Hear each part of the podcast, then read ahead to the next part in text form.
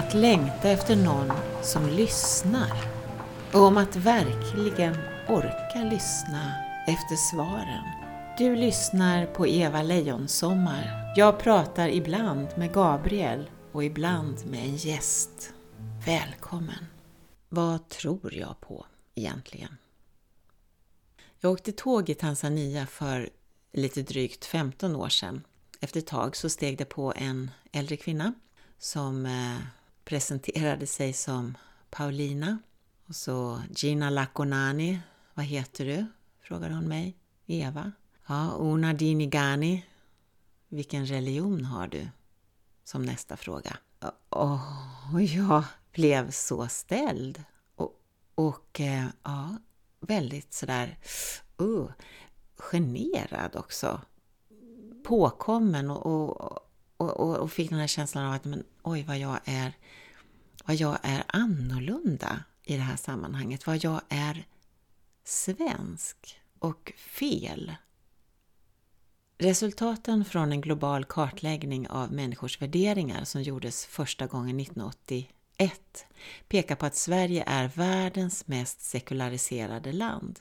Ingen annanstans omhuldas individualistiska, frihetliga och rationella värderingar så starkt som i Sverige och ingenstans spelar religionen en så marginell roll i det offentliga livet. Religiös tro eller frånvaro av tro betraktas som en privatsak. Det var ett citat ifrån en sida på nätet som heter SO-rummet.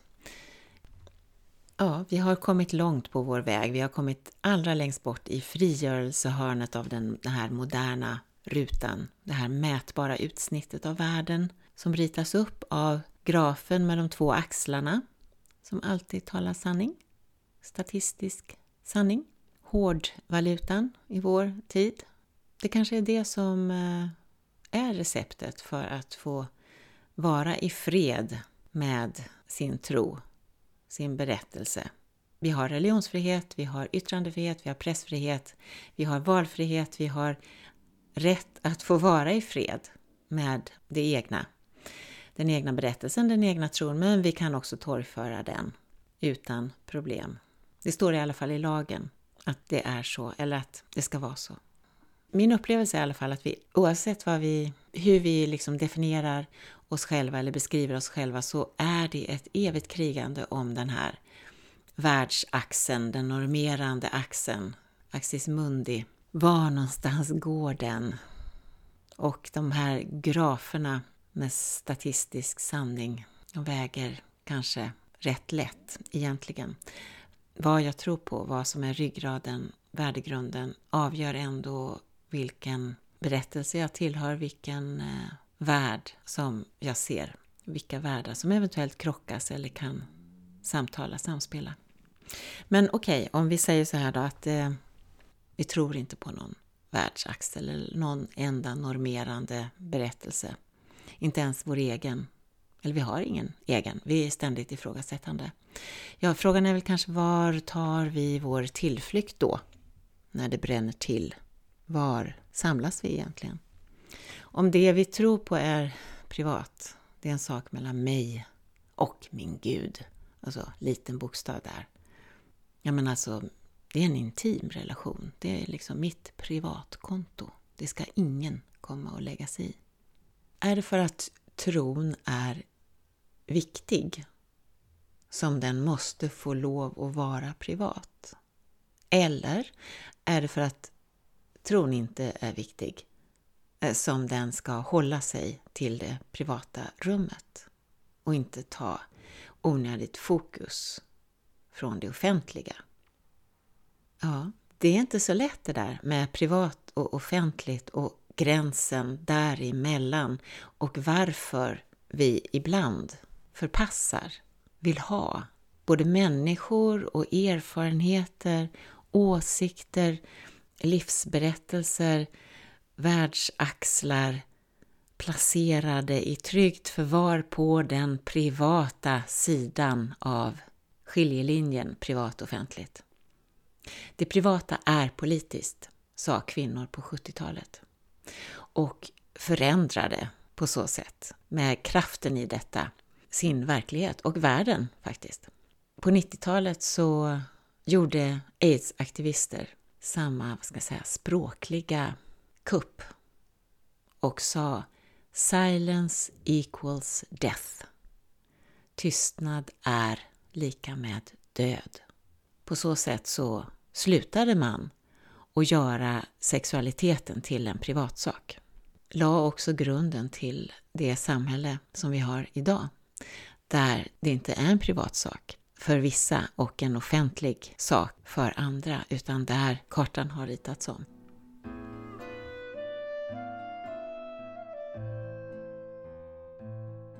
Vad skulle hända om det skedde en radikalisering av det flummiga? Eller det flummiga? Om de, eller vi kanske, skulle dra upp volymen? Om det inte blir tyst och privat, vad händer då? Kommersialiseringen av det flummiga, det har varit och är tillåtet. Det är liksom underhållning. Det är ja, ett andligt kivik. Släpp bara inte in gycklarna och månglarna i templet utan låt dem hållas där utanför. Kommersen är neutral, pengar luktar inte. Nej, låt dig ej förhårdna i denna hårda tid. De alltför hårda brister, de alltför styva mister sin vassa udd därvid, sin vassa udd därvid. Nej, låt dig ej förbittras. Nej, låt dig ej förskräckas.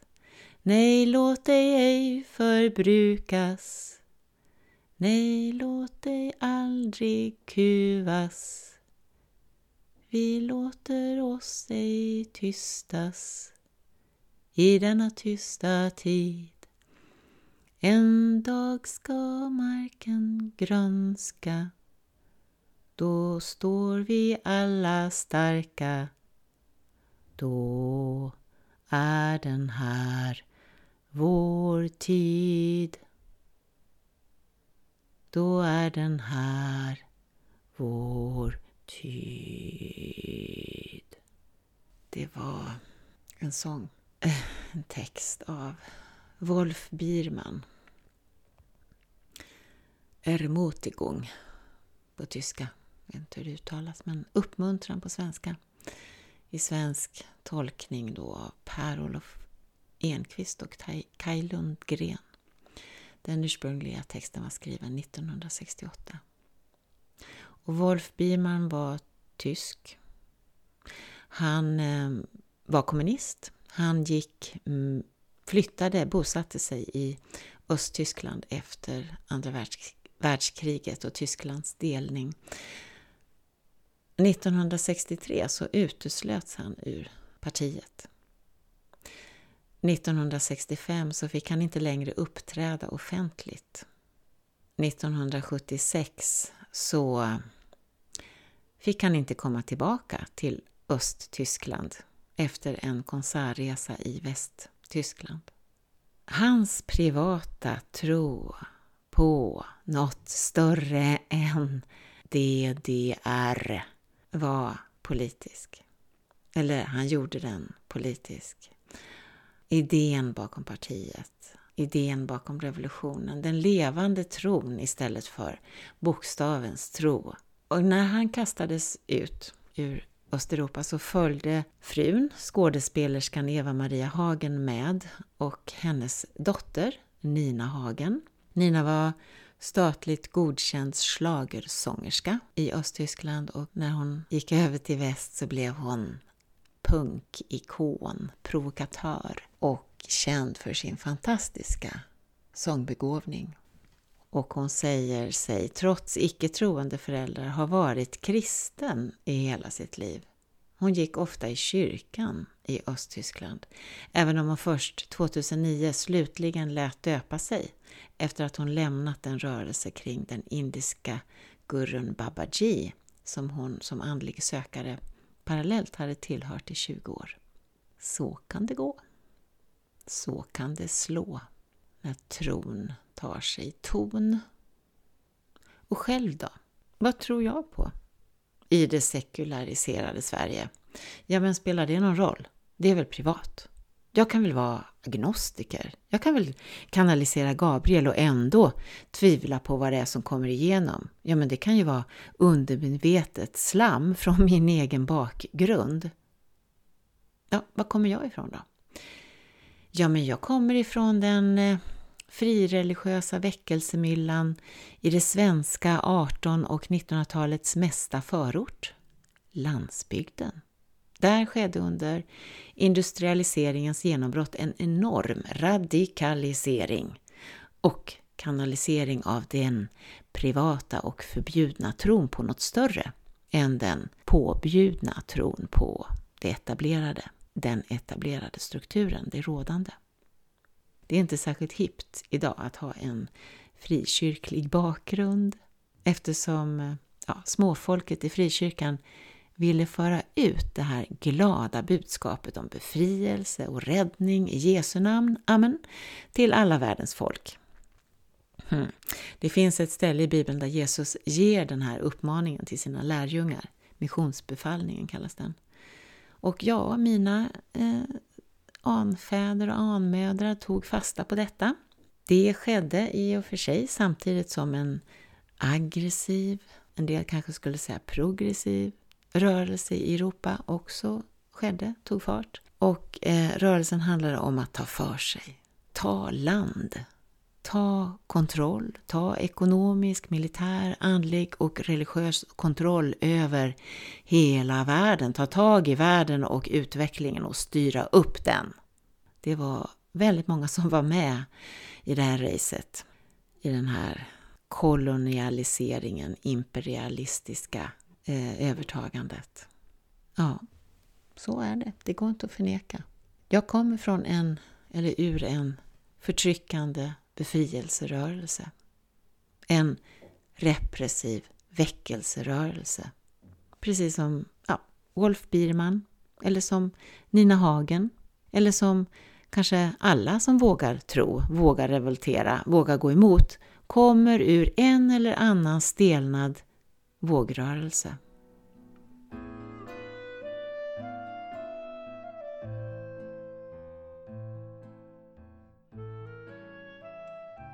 Silence equals death. Det privata är politiskt. Alltså vad har det här med Gabriel att göra? Med att kanalisera, vad är det jag vill komma fram till? Nej, låt dig ej förhårdna i denna hårda tid. De alltför hårda brister, de alltför styva mister sin vassa udd där vid språket. Förr eller senare så kommer ju bokstaven att stelna till en parodi på det levande. Till orden som talar om det levande Vare sig det är den politiska rörelsen eller den levande guden. Det är olika ord men det är samma erfarenhet. Av det där som rör sig i oss. Floden vi aldrig kan gå ner i två gånger, ögonblicket. Där volymen är 100 procent, där innehållet är 100 procent, där vetenskapen med sina 98,3 procent alltid strävar men aldrig når fram i det framträdande, framspringande är ögonblicket Gud. I upprepandet är världen tom. Det mekaniska upprepandet har tömt världen på liv. Usch, det var en hemsk mening. Och nu blandar jag kanske päron och nötter. Jag vill åt någonting. Frågar jag Gabriel så kommer svaret som rinnande vatten. Men det här är ett svar, ett försök till svar av mitt begränsade intellekt. En parentes. Alltså jag har blivit illa gjord av den mekaniska trosbekännelsen. Den som vi rabblar för att vi är rädda för att inte få vara med. De andra i en, i en trosgemenskap. I mitt fall inom frikyrkan. Nej, låt dig ej förbittras i denna bittra tid. För grämelsen den bygger ett galler runt omkring dig och makten klarar. Hur vi tolkar ord. När jag kanaliserar så är jag tolken ju. Tolken har ett språk och en erfarenhet. Ett tolkningsraster, kanske man kan säga. En kanal eller ett medium är ett tolkningsraster. Tar emot information på ett språk och översätter det till ett annat. Informationen kan vara audioell, visuell eller emotionell. Det kan vara en känsla. Det här gör ju jag som författare också. Det kan likna att skriva, men nej. Det är väldigt, väldigt annorlunda ändå. Även om jag använder de färdigheter som jag har så att säga tillägnat mig som skrivande person. När man tittar på kanalisering så kan man tänka så här, okej, okay, vem är jag då? Alltså vem är den här kanalen? Vilka är vi som ställer oss till förfogande på det här sättet? Vilka kanaliserar? Hur, hur ser vi ut?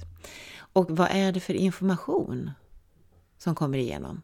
Hänger den ihop? Säger den samma saker? Vad, hur ser den ut? Vad är det för källa? Gabriel, liksom. Vad, hur, vad är det? Hur ser källorna ut? Och hur går det till rent eh, ja, praktiskt? Fenomenet också som sådant. Vad, vad finns det för tankar från olika håll om det, detta fenomen? För det finns ju. Det går inte att säga att kanalisering inte finns, för det gör ju det. Det finns som ett fenomen. Och varför, undrar jag, detta jättemotstånd som finns hos en del men inte hos alla. Varför har inte jag det här jättemotståndet? Varför har jag tvärtom dragits till den här typen av information? Varför har jag inte skrämts av den? Varför har jag istället känt att ja, men, här finns det någonting som är levande? Det finns ord som jag upplever som verkliga och levande som jag inte tycker är fraser, tomma fraser, utan det är någonting annat. Jag möter det som finns bakom orden. Om man tänker så här, om det här är skumt, flummigt, galet, oseriöst, förbjudet, straffbart kanske till och med. Ja, men hur kan något som är så icke-existerande, så privat och så ovidkommande, så lågt och så billigt och så jag vet inte vad, galet, hur kan det vara så farligt? Det tycker jag är en intressant fråga.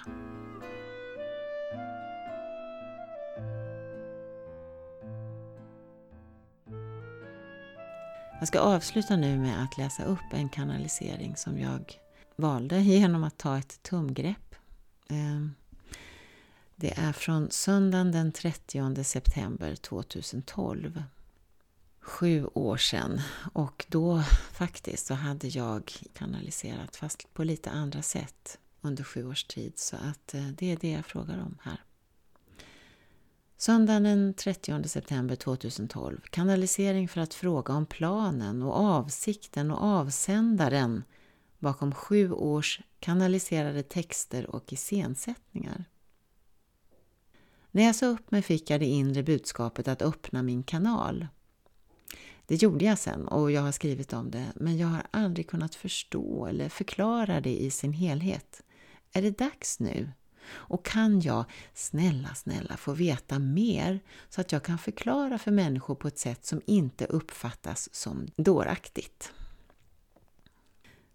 Tack för att du äntligen är redo att fråga oss. Vi glädjer oss åt dina framgångar och vi håller en fest till din ära på vårt plan av verkligheten. Du är mycket älskad och vi har haft underbart roligt i vårt samarbete med dig. Du har varit snabb på att uppfatta och ta emot budskap och du har omedelbart skridit till handling. Genom dina iscensättningar har vi kunnat föra in mer energi i ditt liv och till den fysiska frekvens där du till största delen befinner dig när du är i din kropp. Eftersom det är det plan som du har valt att jobba med och ifrån så har du stora problem med att anpassa dig. Dina problem är egentligen inte särskilt stora men du har valt att bokstavligen slå knut på dig för att komma till fullständig klarhet. Du har framställt dig själv och din kamp som ett bitvis komiskt eller kanske snarare tragikomiskt teaterstycke.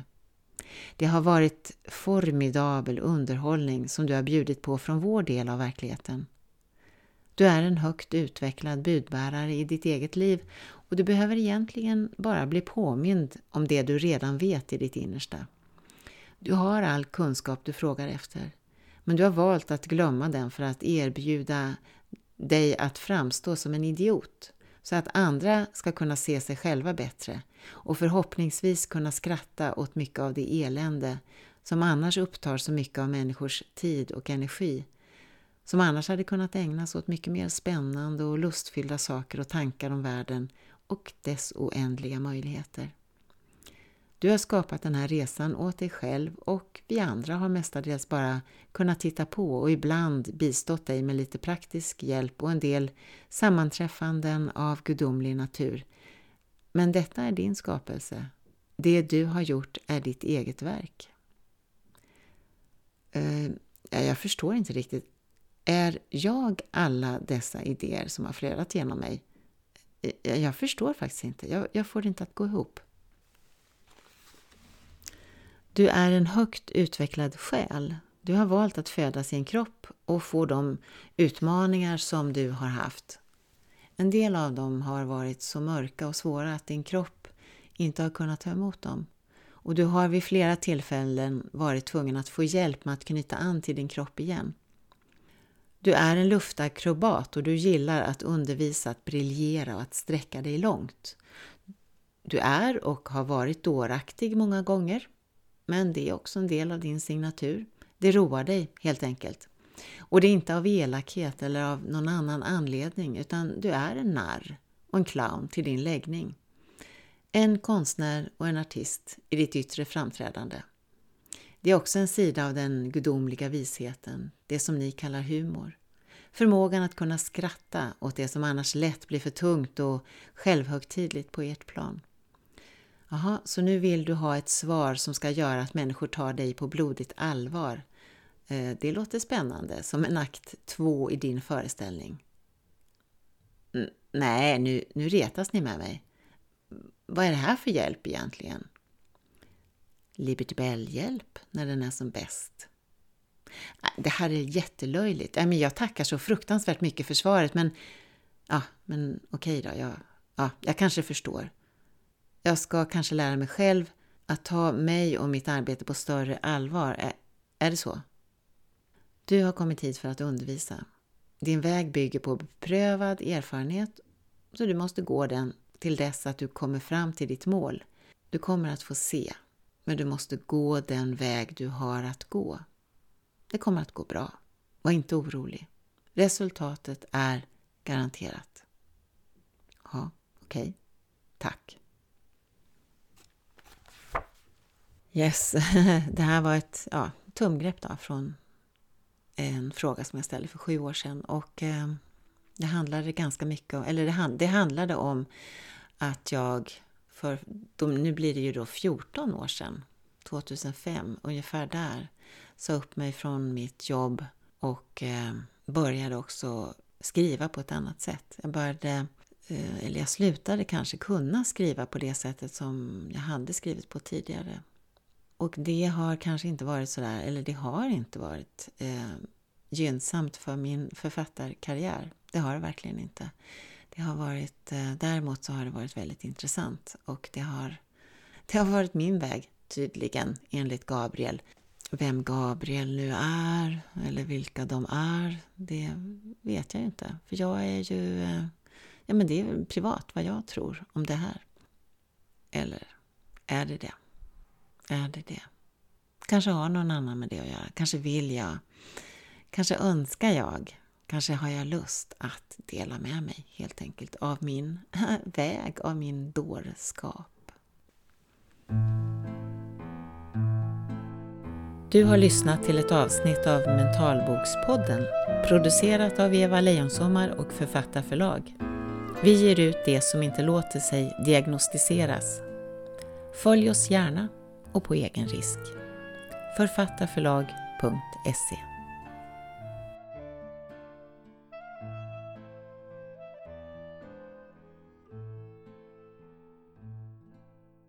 Mentalbokspodden Publiken märker ingenting, eller gör de det? Kan de se att situationen skenar? Det är första gången hon står på scen inför en betalande publik med sin monolog. Det går inte, tänker hon medan läpparna rör sig och formar orden som avslutar den påbörjade meningen. Med konsekvenser som varken vi eller människor i vår omgivning har någon egentlig kontroll över. Att kliva ur sin egen berättelse, är det ens möjligt? Eller fängslas vi i samma stund som vi ställer frågan? Som om jag var fri utspelar sig på platser där jaget plötsligt sätts på undantag och allt blir möjligt. Som om jag var fri är en själsdeckare av Eva Lejonsommar, utgiven på Författarförlag 2016. Häng kvar en stund och lyssna. Jag pillade upp klamrarna i ryggen på morgontidningen och lyfte ut arket där bilder på några av de anställda i den amerikanska detaljhandelskoncernen Walmart fångade blicken. Amerikanarna hade visserligen kunnat gå längre, men logiken var densamma i USA som i Sverige.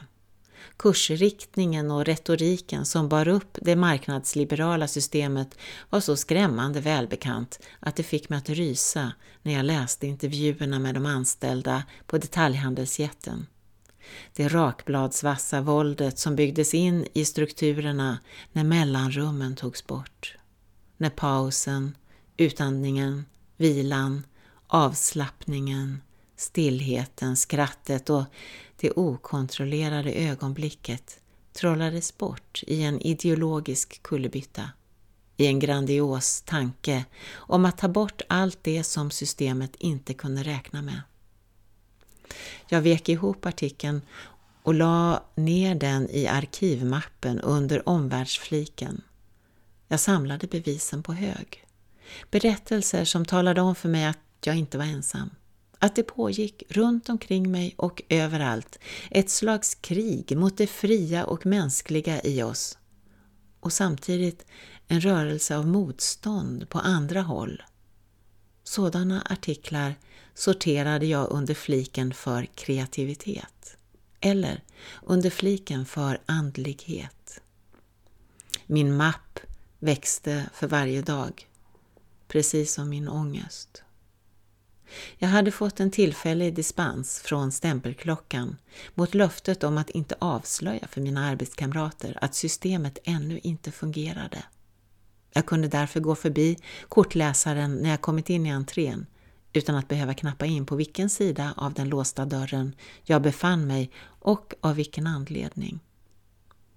Jag slängde en snabb blick på spektaklet som utspelade sig i det jättelika panoramaburspråket bakom receptionen.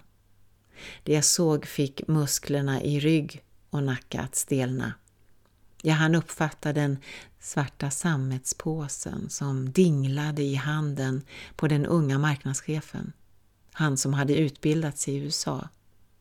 Jag försökte värja mig, men blicken kletade sig fast på näthinnan och framkallade en känsla av overklighet och illamående.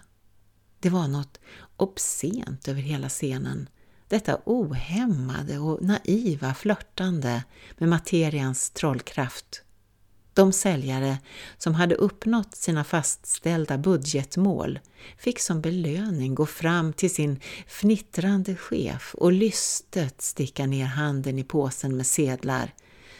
Mycket vill ha mer. Trots att så många i säljkåren hade sagt sig avsky den nya doktrinen. Ja, men det var för fan bara att låta bli att köra ner näven i den där förbannade penningpåsen. Jag gick in på toaletten och låste dörren. Höll mig fast i handfatet en stund i väntan på att attacken skulle gå över. Jag visste att paniken jag kände inte stod i proportion till det som utspelade sig i verkligheten. Jag behövde inte känna hur väggar och tak närmade sig. Jag behövde inte Ändå rusade tanken som en jetmotor i kroppen på mig varje gång ytterligare en glipa av himlen täcktes över med ett nytt direktiv eller en uppgiven suck drogs av en kollega som tidigare hade varit känd för att kunna ryta ifrån på skarpen. Av allt jag såg och av allt som sades var det tystnaden som skrämde mig mest. Det där porslinsblanka i ögonen på folk som talade om för mig att ingen längre var där. En kropp hade stämplats in som närvarande medan själen hade satts på vänteläge med hjälp av kemisk amputation eller förnuftsstyrd argumentation. Det oblodiga våld som samhället alltid ställde sig bakom. Jag tittade mig i spegeln, försökte samla mig för att gå ut. Det värkte i kroppen. Varenda muskel var beredd på ett anfall. Var inställd på att någon skulle tvinga ner mig på golvet och hålla fast mig och inte släppa ut mig. Och ingen skulle ändå höra mig om jag skrek för ingen jävel var ändå där och skulle våga protestera. Jag fuktade läpparna och försökte strama upp mig. Ingen av dem jag talade förtroligt med tyckte att jag skulle säga upp mig. Ingen enda.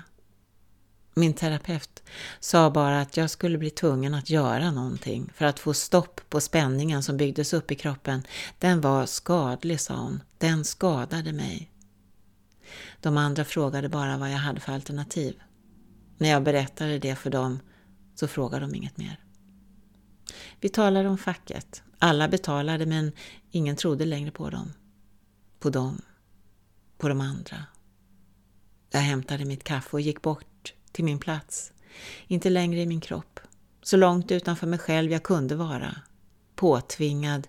Ett nytt schema som inte tog någon hänsyn till att jag hade ett liv utanför den hetsiga produktionen av reklamfinansierade gratistidningar till länets hungrande konsumenter. Telefonerna ringde oavbrutet omkring mig. Eftertextsäljarna var tillbaka vid sina skrivbord och tjattrade högljutt om vem som hade hivat upp vad ur påsen den här veckan. Skvalradion stod på i ett hörn och jag tänkte på brevet som låg i min väska. Det dämpade min ångest. På samma sätt som tanken på en burk sömntabletter eller en laddad pistol skulle ha gjort. När jag väl räckte över brevet till min chef så skulle handlingen inte gå att stoppa längre. Då skulle jag ha klivit över den gräns som satte allting i rörelse utan någon som helst möjlighet att kontrollera skeendet. Ett totalt frispel. Det enda alternativ som ingen tänkte på, som ingen räknade med och som inget jävla system i hela världen kunde kontrollera.